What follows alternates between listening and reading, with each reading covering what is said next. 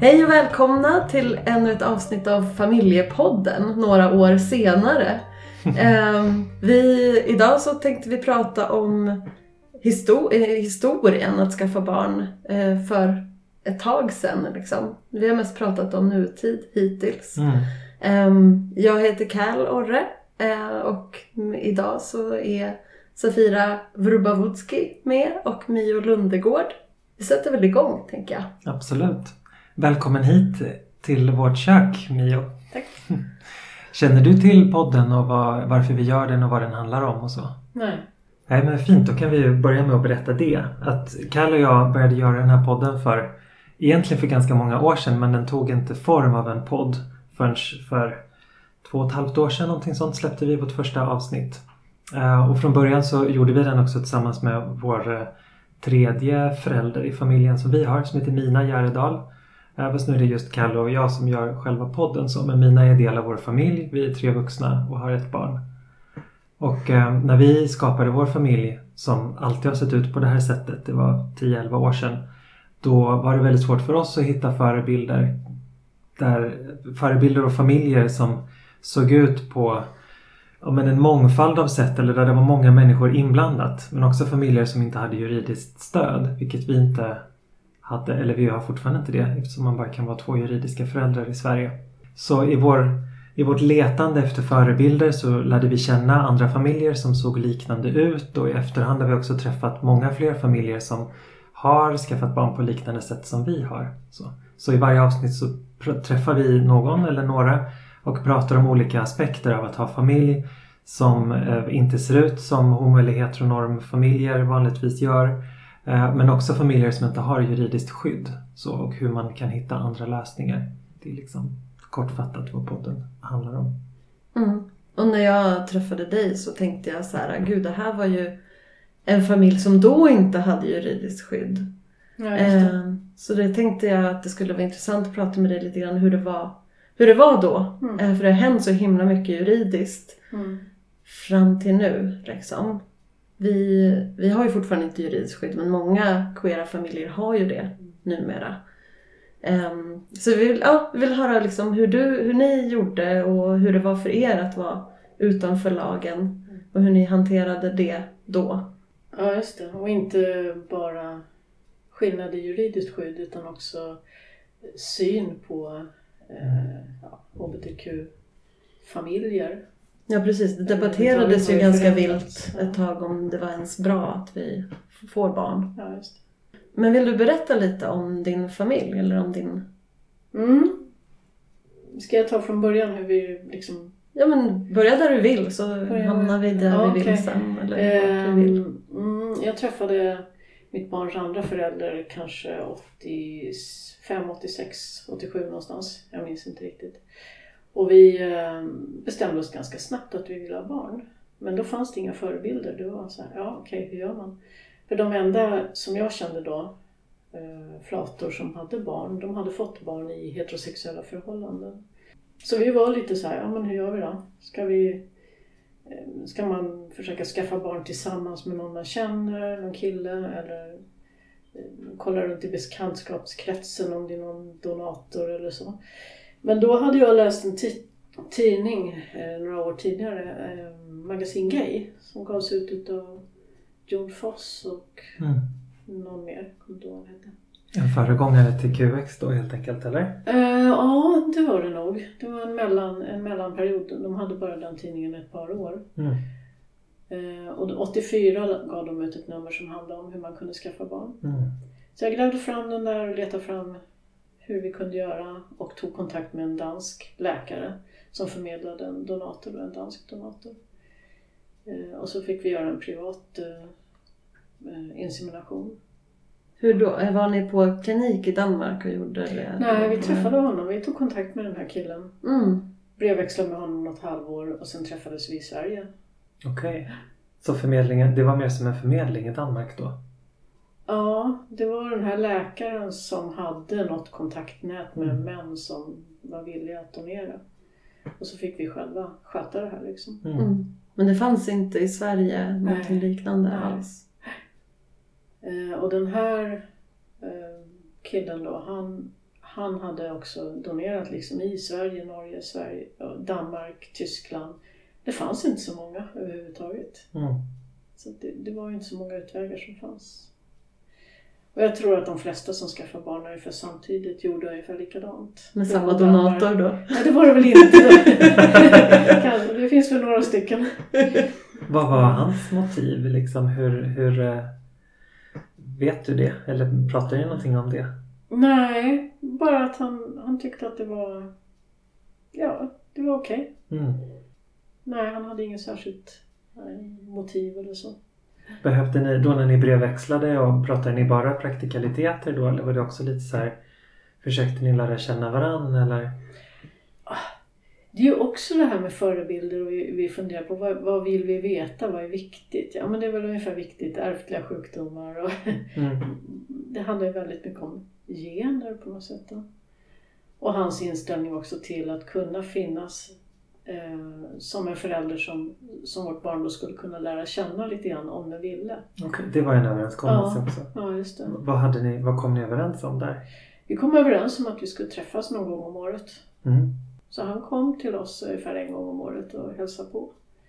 De första kanske tio åren eller så. Mm. Eh, Och sen när Elliot var stor nog så fick den själv välja. Mm. De hade väl kontakt några år till. Hade ni också kontakt med andra, andra personer som har skaffat barn tillsammans med den här donatorn också? Eh, Då hade vi inte det. Eh, Jo, vänta, det hade vi visst det. Stämmer. Vi träffade två tjejer i Danmark också som vi var och hälsade på en sommar som hade två barn med honom. Var halvsyskon då. Mm. Men hur fungerade det i Sverige då att bli liksom förälder till barnet? Gick det för er båda att bli det? Nej. Eller hur, liksom, vad, vad be, bemöttes ni av när ni... Ja, dels så var det socialsekreteraren då som skulle göra en, en um, faderskapsutredning. Som tyckte att det var väldigt märkligt att, att jag inte ville säga vem som var förälder. Eller vem som var pappa då. Och som försökte pressa lite på det. Att ja, men ska du verkligen inte i alla fall? Och, vet du vem det är? Och jag sa ja, men jag vet vem det är. Men, så det är inte fader okänd. Men det, det, jag tänker inte säga vem det är. Och till slut så var hon så här, ja men ska du verkligen förvägra ditt barn sin arvsrätt? Och då Mm. blev det nästan skrattretande för sa, Mm. ja det är det minsta problemet. Liksom. Ja, för han har ju jättemånga barn den här mannen så att det skulle inte bli så mycket per Nej, person. Det visste vi väl inte då i och för sig. Men, men, men det, var, det var ett sånt där vägande skäl som kändes så, ja, nej det var inte därför vi ska få barn för att barnen skulle få ärva något. Eh, och sen var det ju så att vi hade ju inte rätt till någon, jag hade ju inte rätt till någon, någon ekonomiskt stöd från staten då efter, eftersom jag för, alltså, eftersom jag inte ville uppge vem som var pappan. Eftersom jag visste det men inte ville uppge. Mhm. Jaha, så det var sådana regler Ja. då? Om jag hade sagt att det var okänd pappa, då hade jag fått ekonomisk ersättning. Men då hade de ju också varit tvungna att sätta igång och verkligen försöka ta reda på vem det var som var pappa. Mm. Eh, Men jag menar, barnet hade ju två försörjare så det var ju inga problem. Liksom. Men jag, jag kollade igenom lite papper idag. Jag såg att de hade lagt ner faderskapsutredningen sex år senare. Så Sex år? Sex år höll de på och eh, då och då hörde av sig. De gjorde det? Ville, ville, ja, om jag ville uppge vem det var i alla fall. Men efter sex år så la de ner projektet. Då. Men visste de från början att, du, att det fanns en annan förälder Ja, ja. som Oh, ja. Ja, jag var kvinna helt och så? Ja. Jag var helt öppen med hur vår familj såg ut och så. Hur kommer det sig att, eh, att du valde att säga att det finns... att- Jag vet, använder du donator som ord eller använder du en, en pappa? Eller liksom, hur, vad använder du för ord? Jag kommer inte ihåg, det här är ju över 30 år sedan. Jag kommer inte ihåg vad jag sa. Nej. Men var det en rekommendation från den här tidningen att, att ha så pass öppna kort? Eller Nej. var det någonting som du bestämde själv? Att, eller som ni bestämde själv kanske? Att vi, vi, ja, men vi, vi berättar hur det har gått till men vi berättar inte vem den här mannen är eller hur? Hur tänkte? Ja, vi, har, vi har alltid varit öppna. Och, och, alltså, jag är gammal aktivist. Det fanns inte i min för, föreställningsvärld att jag skulle ljuga om någonting. Mm. Utan så här har vi gjort. Så här har vi bestämt. Så det var mest, alltså, för mig var det mest lite skrattretande. Att den här socialsekreteraren var så indignerad över att vi valde att göra på det här sättet. Mm. Men det var inte heller i Stockholm så att det, var, det var nog första gången för henne och hon konfronterades med det här. Mm. Men annars hade vi ju inga problem liksom på ja, när det gäller mödravård eller, eller förlossning eller något sånt där. Utan vi var välkomnade hela tiden. Så de proffsen, de var professionella också. Mm. Hur har det gått sen när det har eh, din partner kunnat närstående adoptera längre liksom Ja, senare fast i det dröjde livet? ganska eller? länge. Ja, det, det Eh. Det var 2004 Mm. som man fick göra det. Mm. Och då var ju barnet 14 år. Ja, visst. Så att under de 14 åren då fanns ju hela tiden den här... Ja, det är ju inte så reellt hot eftersom man brukar försöka se till vad som är bäst för barnet. Men hotet fanns ju ändå att hade det hänt mig någonting så Ja, hade det inte varit självklart för den andra föräldern att få adoptera. Hur löste ni det då gentemot skola och sådana och liksom sju, alltså vi har ju det problemet nu att Mm. vi alla tre vi måste fixa mycket ifall alla tre ska kunna företräda vårt barn. För eftersom en inte är juridisk förälder så har vi alltid en fullmakt med och ger det och så vidare. Men det händer ju hela tiden att den tredje personen som inte är juridisk förälder inte får mejl från skolan eller Mm. inte hamnar på liksom klasslistor med föräldrar och sådana saker. Ja men så var det ju för oss. Eh, det det var, fan, fanns inte överhuvudtaget. Den rättigheten för, för den andra föräldern. Kunde ju inte ta några vabbdagar eller föräldraledighet eller Mm. någonting sånt där. Mm. Nej, för det ändrades senare det Ja. här med att man kunde ge till någon annan eller till sin, sin partner och sådär. Ja precis och när, när hon kunde adoptera sen då var ju barnet så gammalt så att det gick Men då inte var att det ta inte ut några någon vabb. dagar heller. Så det var ju för sent då. Så det, det har alltid varit jag som har varit föräldraledig och, och vabbat och hela den grejen. Men sen så hade hon ett bra jobb så att hon ofta kunde liksom byta dagar och fixa så att hon ändå kunde vara hemma. Mm. Men hur var det liksom då med ja, men debatten och att vara mitt i det? Och, vill du berätta lite grann om hur, var, Ja, liksom, hur var det att vara förälder då? Eller liksom jag tänker att det rullade igång Liksom. då ganska mycket. Eh, jag tror att regnbågsfamiljerna på RFSLs, eh, ja, RFSLs regnbågsfamiljer, den startade ungefär då, alltså kanske när Elliot var kanske 3-4 år gammal eller någonting. Och då drogs det igång ganska många som eh, träffades där för att de ville bli föräldrar. Så vi var ju ett steg före, några år i förväg. Mm. Eh, Men det började röra på sig ganska mycket precis där och då. Sen tyckte jag att i och med att vi var helt öppna så blev det inte så svårt. De flesta människor som utsätts för att man är bara så här, ja men så här lever vi och så här funkar det för oss. Mm. Klarar inte riktigt av att följa, även om de har en del fördomar så blir det mer så här, jaha, okej. Man kan inte säga någonting. Mm. Och när de sen märkte att ja, men det funkar, det blir bra. Så ja, då var det inget stort problem. Nej. Och det tyckte jag var rätt kul också. Flera år senare så träffade jag en, en tjej som var 16 år, 17 år. Eh, som var på ett ja, någon träff med lärare och berättade hur det var att komma ut i skolan när man var 16 år. Och sen träffade jag henne efter hon hade pratat om det här och då kände hon igen mig, jag kände inte igen henne. Men då hade, och då träffade jag hennes mamma också och då kände jag igen dem. Då hade de haft, alltså det här barnet som nu var 16 var lika gammal som mitt barn. Och de hade gått på förskola tillsammans. Så de hade också, när ungen kom ut sen som 15-åring eller någonting, så var föräldrarna ganska lugna med det. För de sa, ja men vi hade ju sett er. Mm. Så vi såg att det var bra. Mm. Så det var ingen grej för oss. Liksom. Så jag tänker att det är mycket, eh, ja det var mycket som jag tjänar på att vara så öppen som vi var. Mm. Ja, Sen fanns det ju de som uttryckte i alla fall att ska ni verkligen göra det här är det inte synd om barnet. För Mm. det fanns då, alltså på 80-talet fanns det fortfarande ganska utbrett. Att det är nog inte bra för barnen i alla fall. Nej, men det har ju vi också fått, fått höra. Så här, det är det här. Absolut. I alla fall innan vi skaffar barn. Så här, Ja. Hur ska det bli för barnet? Blir Mm. inte det förvirrande eller tänker vara osäkert och Mm. konstigt att leva så konstigt? Alltså så. Mm. Men sen efteråt när det väl finns ett barn så är det inte så många som som gör så. Nej. Eller liksom som frågar så eller säger så. Men ja, det, det märks ju när man är utanför normen Ja. liksom, i samhället. Men du berättade också om att du hade fått att du varit i liksom olika, i media en del och pratat om och eh, ja men att du kände så här, gud jag har pratat om det här så många gånger. Var, hur, hur, hur kommer det? Eller liksom vad, vad, i vilka sammanhang har du? Jag har inte pratat så mycket om föräldraskap. Nej, det har jag okej. inte. Utan Nej. det är väl mer som att jag, eftersom jag är liksom gammal aktivist då. Mm. Jag kom ju ut som 16-åring själv och det är jättelänge sedan nu. Så jag var med i hela det här att dra igång eh, första frigörelseveckan och eh, var aktiv i RFSL och så på 70-talet. Och därför har jag blivit intervjuad flera gånger. Ja. Men inte när det gäller föräldraskap faktiskt. Nej, okej. Men jag tror att det finns, jag tror att det finns ganska många fördelar med att ha eh, familjer som ser olika ut, alltså som, som ser ut på olika sätt.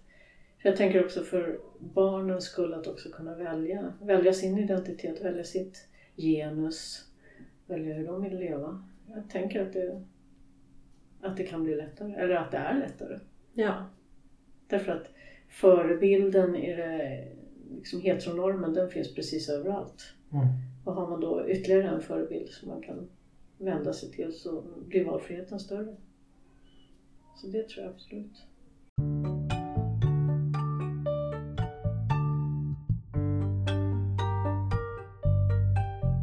Vi har ju också kört en liknande strategi. Alltså vi är ju också väldigt öppna som familj och också ja, men, ända från början egentligen också ja, men, tagit något slags medialt utrymme också som har funnits eh, kring, men, kring vår familj och, och liksom queera familjer nu för tiden. Och, och det är också därför vi gör den här podden. Att öppenhet har ju vi också tyckt varit en bra strategi. Liksom. Och vi har ju fått förvånansvärt lite skit just för att vi, vi har sagt först snarare Mm. än att låta någon annan säga först. Liksom. Vi försöker alltid gå alla tre till första möten med en ny skola eller med en ny läkare eller någon, ja men vad vet jag, någon Mm. officiell kontakt. Liksom. Så går vi alltid dit alla tre Mm. från början. Ofta har vi med oss en fullmakt också som ger den tredje föräldern den tredje föräldern liksom juridisk rätt att företräda barnet och sånt Mm. så vi försöker alltid föregå allting. Liksom. Det har varit vårt bästa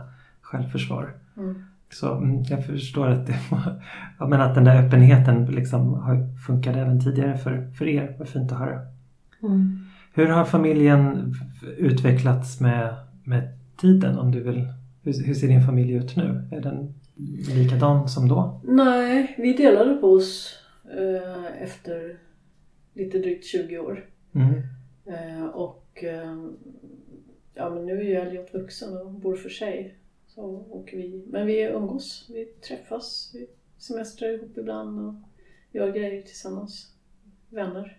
Och den här danska donatorn är historia eller är det en person ni träffar ibland? nej, han, han lever faktiskt inte längre. Mm. Och i och med när han dog så tog ett par kvinnor kontakt med oss och berättade. De hade gått igenom hans eh, kvarlåtenskap och hittat då en del brev och så. Och hade kunnat identifiera några barn så att de mejlade till oss bara och berättade att det här finns och om ni vill ha kontakt med oss så är det möjligt. Men då var ju Elliot vuxen också så att jag lämnade över det till Elliot så att det här får du Ja, om du vill ta kontakt med dem så gör det. Mm. Det finns inget behov för mig. Mm. Men var han lite aktivistisk också tror du? Var det liksom lite så här Nej. vill... Nej, det var han inte. Eh, han var inte så socialt kompetent faktiskt. Eh, ganska mycket enstöring. Så, så riktigt vad som rörde sig i hans huvud, varför han, han ville ha barn, det vet jag inte. Men jag tror att han också kände att han, att han hjälpte människor. Ja. För det var så han uttryckte det. Och han, han, det var, han hade ingen agenda, utan det var ensamstående, det var heterosexuella par, det var eh, lesbiska kvinnor liksom, som han hjälpte på olika, ja, på sitt sätt. Men började det sen med någon form av liksom förmedling även i Sverige vad du känner till? Liksom att folk hjälpte varandra att hitta donatorer och sådana saker? Eller? Nej, jag vet inte det. det var ju inte så länge efteråt som det blev legalt i Sverige. Det är väl en 12 år sedan någonting va? Ja, det är det väl. Men det, var, det är ju ändå ett bra tag där som det inte var. Jo. Jo, det är klart. Det är ett glapp där på 10-15 år. Mm. Nej, jag vet faktiskt inte. Jag tror att det fortfarande var så att väldigt många skaffade barn, alltså flatpar tillsammans med bögpar var ganska vanligt. Mm. Det, det är flera som jag känner till som gjorde så. Att man hade någon, eh, ja, någon kompis som man skaffade barn tillsammans med. Mm.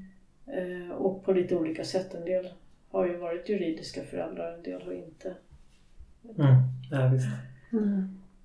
Hur togs ert, eh, er familj emot i, ja, men i communityt? Och så vart det... Jag menar jag har ju...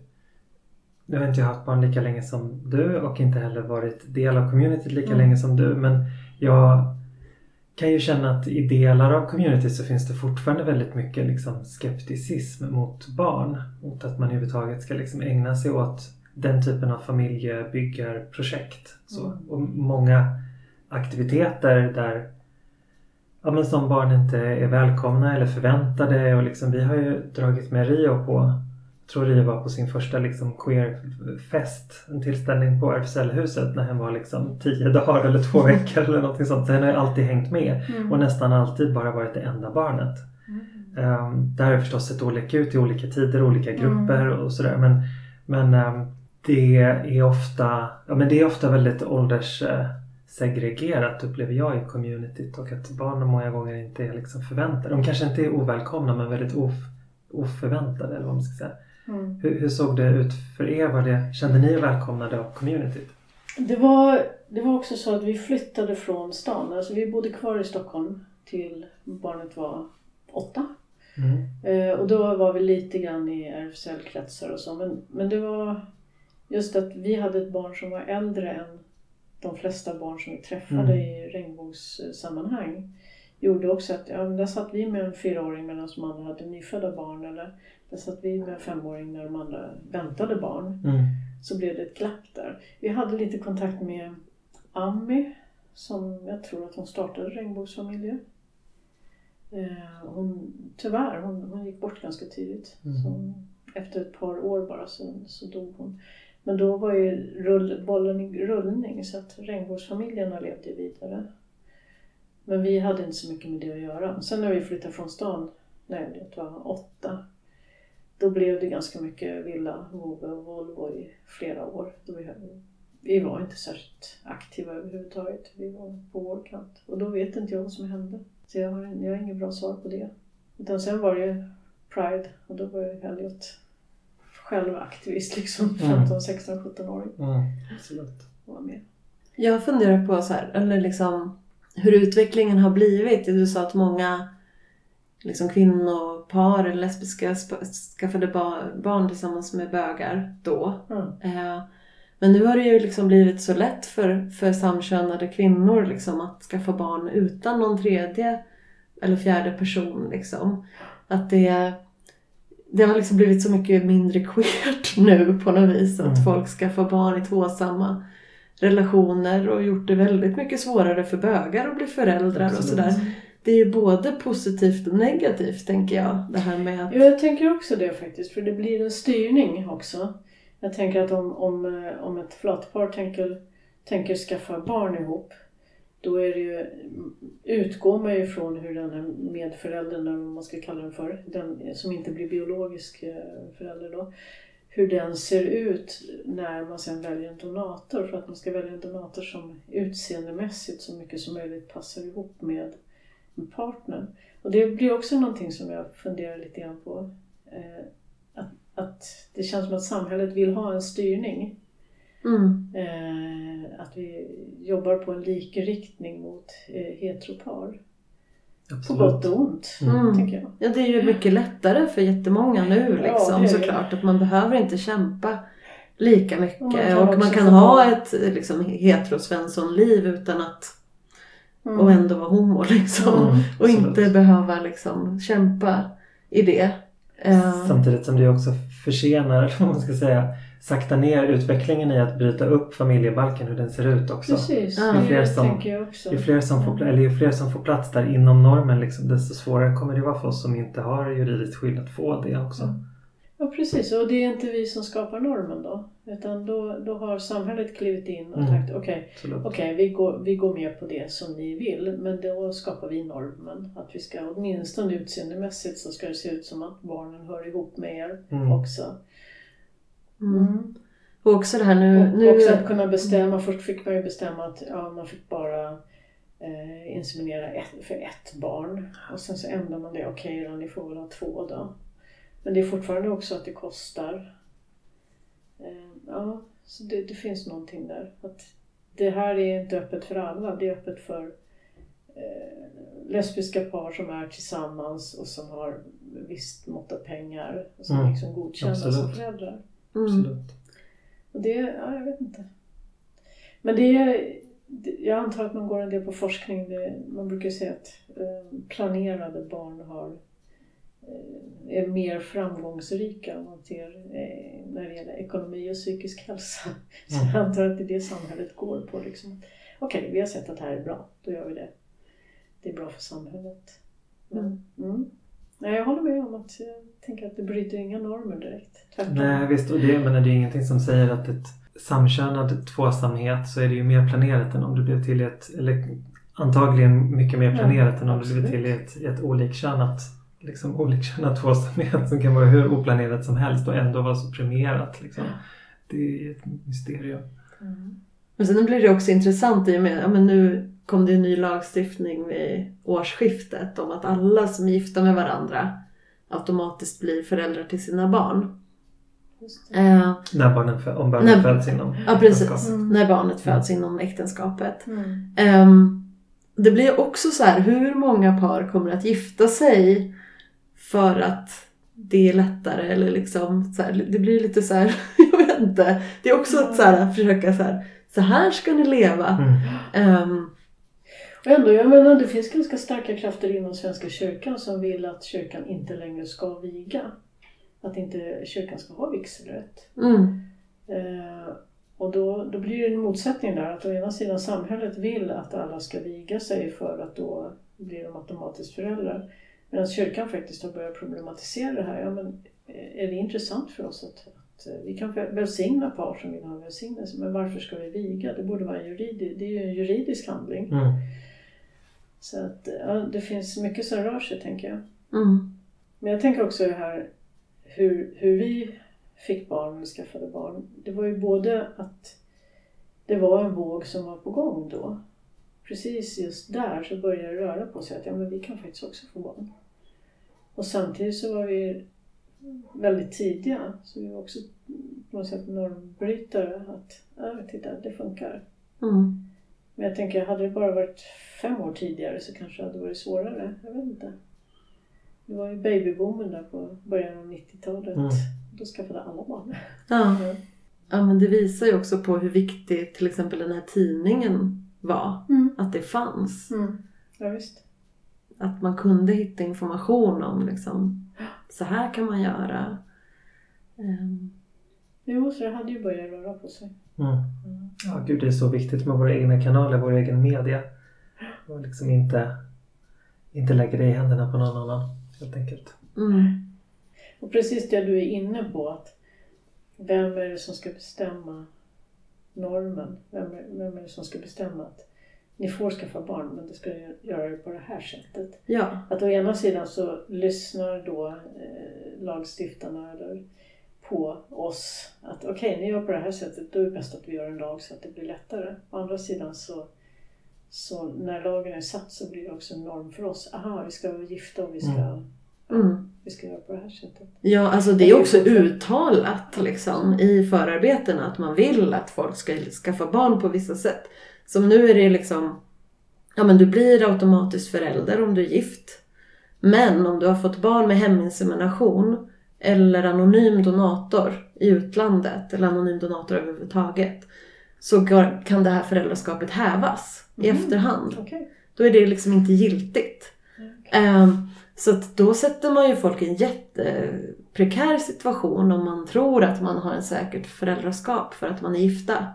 Och sen när man ska skilja sig sen så kommer någon skilsmässoadvokat eller något och säger så här hmm, jaha du vill ha ensam vårdnad, men det kan du få så du. Ja. För den här föräldraskapet är inte giltigt.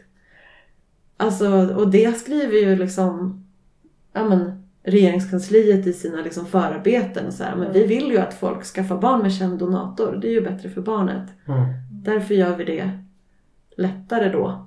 ehm, för dem och en jättesvår situation för alla andra. Mm.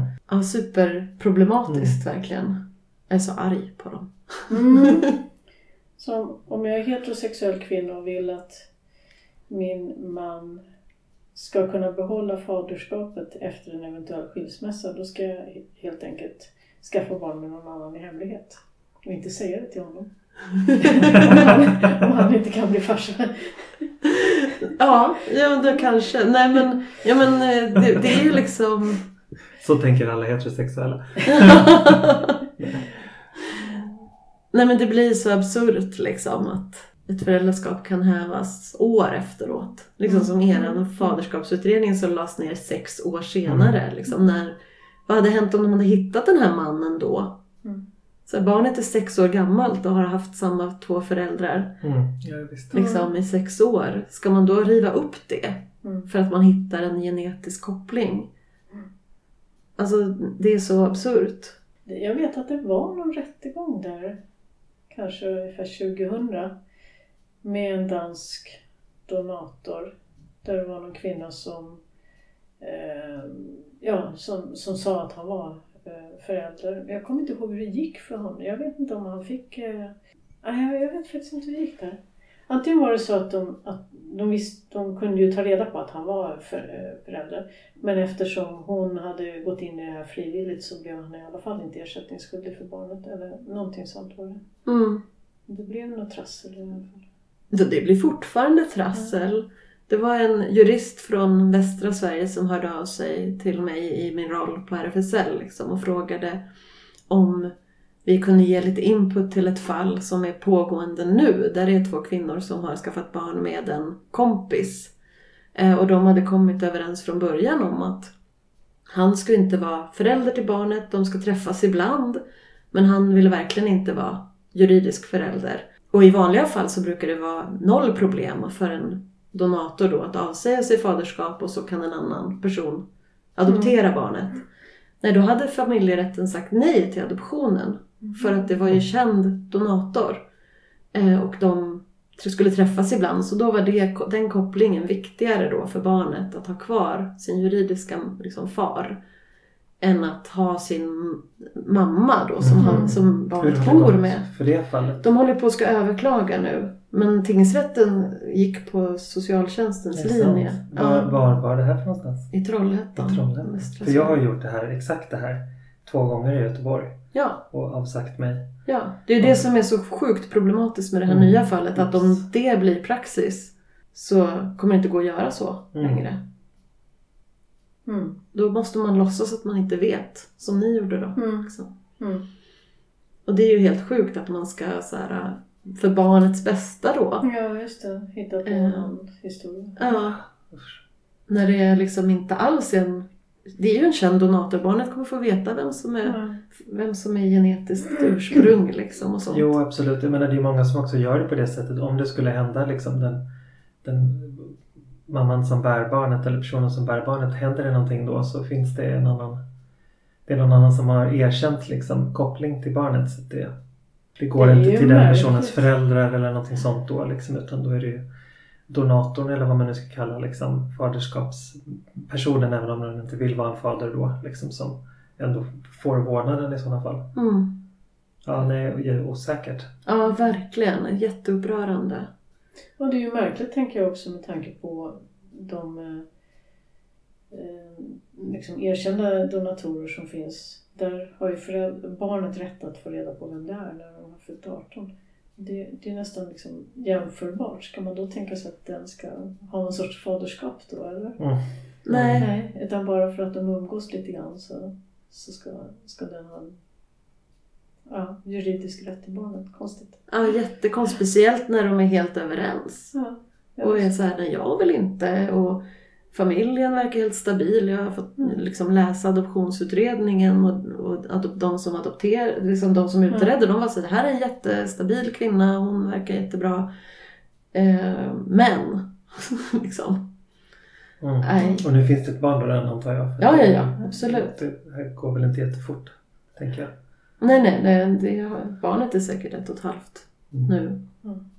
Nej, det, så det är fortfarande juridiska Mm. Ja, problem liksom för även normiga familjer. Ja, Liksom. Så, men men hur har det varit, eller vill du berätta lite om hur liksom Elliot har, har hanterat eller liksom pratat med folk om er och, och sådär? Har det varit någonting för, för den liksom? Ja, lite, alltså när den var liten så, så blev den väldigt väl bemött. Jag kommer ihåg att en någon gång på förskolan sa att, eh, att den hade två mammor och något av de andra barnen var så här, Wow, det skulle jag också vilja ha. Min pappa är aldrig hemma. Och, eh, och alltid, alltid sagt att den har två mammor. Men, men också kallat oss med namn. Så att, eh, jag tror att det har varit väldigt okomplicerat. Skönt. Tack så jättemycket att du kom hit, att du vill vara med i familjepodden. Tack. Ja, verkligen jättefint.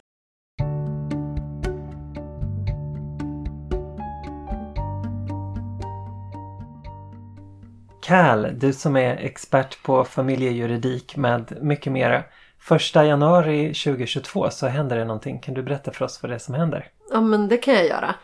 Den 1 januari 2022 så införs en ny lagstiftning om könsneutral föräldraskapspresumtion. Det är ju inte så jättelätt ord. Eh, Men det betyder alltså att eh, oavsett vilket kön du har och om du är gift med någon som föder ett barn Mm. så blir du automatiskt förälder till det barnet. Så du behöver inte gå till socialtjänsten längre och, och bekräfta eh, ett föräldraskap. Utan det, det kommer bli automatiskt. Okej, så, Så- Det, det här som har krävt en närstående adoption tidigare. Ja men för samkönade par till exempel. Det kommer inte behövas längre då eller? Mm, så riktigt så lätt är det inte. Okej, förklara. Eh, ja men så här. Att i alla de fall där man tidigare har kunnat bekräfta ett föräldraskap. Om man är till- exempel två kvinnor som får barn. Mm. I alla de fallen, där kommer ett föräldraskapspresumtion vara helt och hållet giltig eh, efter nyår. Så att om ni har fått barn via insemination inom svensk sjukvård till exempel. Mm. Då, behöver, då är det bara, blir det automatiskt, allt är lugnt. Ni kommer vara föräldrar utan problem. Eh, och inte kunna, det kan inte hävas eller något sånt där. Mm. Men problemet blir att i de fallen då ett föräldraskap behöver, alltså där man behöver adoptera barnet. Till exempel om man har fått barn utomlands med anonym donator. Eller om man har fått barn med heminsemination. Då är det så att lagen gör att eh, två som är gifta med varandra blir automatiskt föräldrar. Mm. Eh, på pappret blir det bra. Men ett föräldraskap som har blivit till på det sättet kan hävas. Så att om föräldrarna blir osams, skiljer sig eller något så kan man gå till rätten och säga nej, men det här föräldraskapet blev till på fel sätt. Ehm, Behöver det finnas en, en annan person då som tar på sig det föräldraskapet eller? nej, jag tror inte det. Okej, så om två stycken, om två personer eh, gör en, en, en hemmainsemination till exempel. Mm. Eh, men personen som har donerat sperma inte skulle vara intresserad av ett föräldraskap, går det ändå att hävas? Som jag har förstått det så är det så att det går att häva. Så enda sättet att vara helt säker är att adoptera barnet. Så då måste man ändå gå till familjerätten och säga hej det här för- föräldraskapet har presumerats men det är fel. Jag behöver adoptera det här barnet. Okej, För att det ska bli helt säkert. okej. Men det, jag är orolig för att jag tänker att folk inte kommer göra det. Utan de kommer vara så här, åh vad skönt, vi blir föräldrar automatiskt. Ehm, och sen kanske flera år senare så sitter man där i skiten. Liksom. Mm. Mm. Så att ja, jag är, alltså det är glädjande att liksom man inte behöver gå till socialtjänsten och bekräfta ett föräldraskap längre. Mm. Att det är liksom samma regler för alla. För det är det som har varit problemet tidigare. Att det har varit olika regler för olikkönade par. Ja precis, är det ett olikkönat par som är gift förut, eller förut så har ju båda blivit automatiskt juridiska föräldrar. Precis. Och nu Ehm, är det oavsett. Men är det bara i eh, samkönade fall som eh, det går att häva? Nej, utan även i olikkönade fall går det att häva. Det är ju bara det att i samkönade par och i par där någon är transperson så är det ju oftare som man behöver använda sig av donerade spermier Mm. för att kunna bli gravid. Så att i, procentuellt sett så kommer det ju vara mycket fler sådana eh, konstellationer som råkar ut för det här. Men, eh, men det är samma regler för alla par. Mm. Vilka tror du kommer gynnas mest av det här? Ja men det är ju samkönade par eller par där någon har ändrat sitt juridiska kön som har gjort insemination i Sverige inom landstinget. Mm. Eller i utlandet med känd donator. Då är det ju allting lugnt. Mm. Då kommer man ju bli förälder automatiskt och inte behöva oroa sig för det. Eh, Så det är ju de personerna som gynnas allra mest Mm. av det. Och sen gynnas ju alla som har möjlighet att bekräfta ett föräldraskap eh, också. Alltså om man är sambosar och inte gifta och har fått barn på ett sätt som gör att man kan bekräfta. Eh, Då kommer man kunna göra det online. Så man kommer inte behöva gå till socialtjänsten längre för att bekräfta ett föräldraskap. Du behöver liksom inte gå dit och skriva på papper utan det kommer vara en e-lösning för Jaha. alla sambosar efter nyår. Det är också en, en ny regel som har kommit. Ja. Och vilka kommer det gynna tänker du? Alltså det kommer ju gynna alla sambosar som får, eller alla som inte är ihop eller inte gift med någon som får barn. Ehm, däremot så kommer det ju vara så att du går ju inte att bekräfta ett föräldraskap som har kommit till med anonym donator eller, eller ehm, ehm, heminsemination. Men då får man, då, så då måste man ändå adoptera barnet. Mm. För, ja, bekräftar du ett föräldraskap felaktigt så blir ju det ogiltigt. Det gynnar ju inte människor som, som får barn på det sättet liksom. Och vilket är, ja men det är ju helt absurt liksom att man flera år efter att man har fått ett barn kan bli av med sitt Ja, föräldraskap. det låter ju liksom. helt knäppt. Vad tänker du att det här är liksom någon slags flerstegslösning? Eller vad, vad, vad, giss, vad spanar du kring det här? Är det här en, en, eh, ett steg på vägen till en bättre familjelagstiftning eller hur? Alltså det är väl det för att det blir lika behandling. Alltså Mm. det ju- har ju varit en diskriminering förut. Av samkönade par och par där någon har ändrat juridiskt kön. Ehm, så att det är verkligen, ja men det är ju ett steg framåt men, men eh, ja, jag vet inte. Rent privat så börjar jag undra om den här presumtionen är någonting att ha. Mm. Liksom, varför ska man bli automatiskt förälder för att man är gift med någon? Ja, det, så tänker jag också. Mm. Eller det var roligt att höra att det även kan omfatta sambos. För jag tänkte först bara, är det här ett sätt för, för staten att, att se till att folk gifter sig då? liksom Mm. i, i sina relationsformer om de skaffar barn. Eller det låter ju som det. Men, men om sambo också då omfattas av det här så är det Nej, man någonting- omfattas inte av det men man bekräftar online så att det är mycket lättare Ja, ja, ja, att bekräfta. okej. Ja, okej. Mm. ja, men visst. Eh, så jag tänker att det här kanske är ett steg mot att alla kommer att få bekräfta i slutändan. Mm. Eller att, ja men vad vet jag. Alltså jag hoppas ju på en att, att hävandereglerna ska ändras eller tas bort. För det är helt orimligt att man ska kunna häva ett föräldraskap som har blivit till med liksom, assisterad befruktning. För där är ju alla medvetna om hur, hur befruktningen har gått till. Mm. Det är ju inte någon random person som bara inte är medveten om att han har blivit pappa. Mm. Liksom. Nej, visst. Och att i min värld så skulle det vara rimligare att ha en hävande regler som bara gäller samlag. Mm. Har du legat med någon annan än som tror att den är förälder så går det att häva för den, ja, men den personen kanske har någon form av, jag vet inte, någon form av intresse i att vara förälder till det här barnet. Vad vet jag. Men i övrigt så vill jag, ja, jag skulle vilja ha en lagstiftning som var så här vilken relation har, har de här människorna till barnet? Mm. Och de personerna som har för avsikt att ta hand om barnet, de kan bekräfta ett föräldraskap. Mm. Och sen personer som inte har för avsikt att ta hand om barnet ska inte vara föräldrar. Mm. Nej, det, Eh. låter ju, det låter ju ganska enkelt och ganska rimligt. Ja, jag tänker det.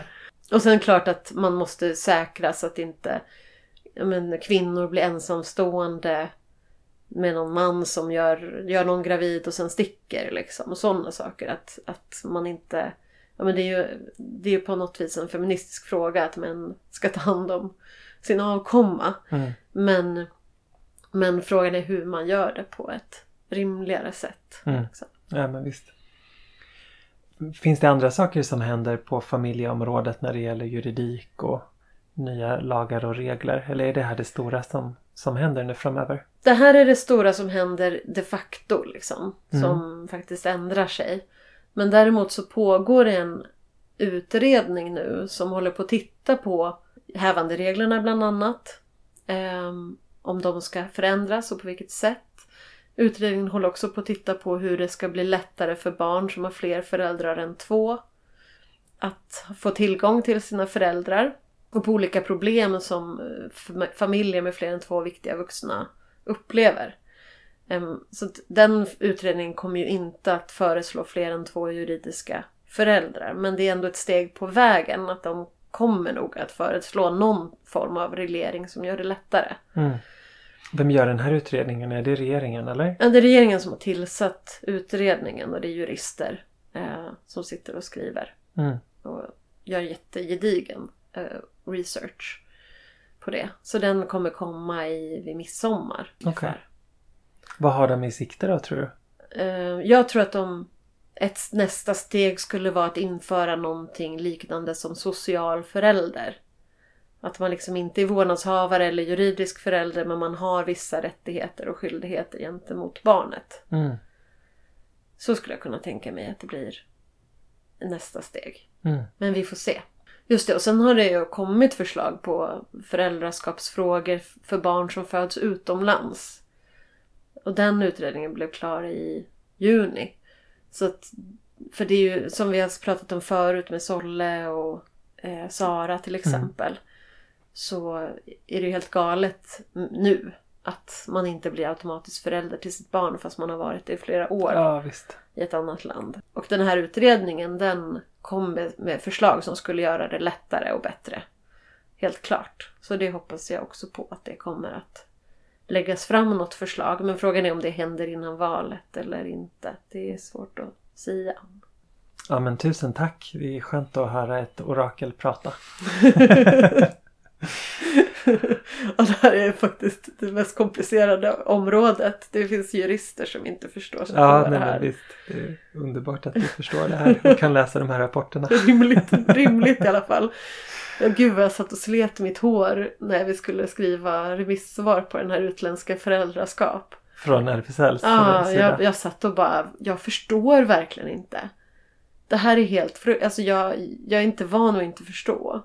Och så sitter man där och bara känner sig helt så här famlande och man vet inte vem ska man ska fråga för det är ingen som kan. Mm.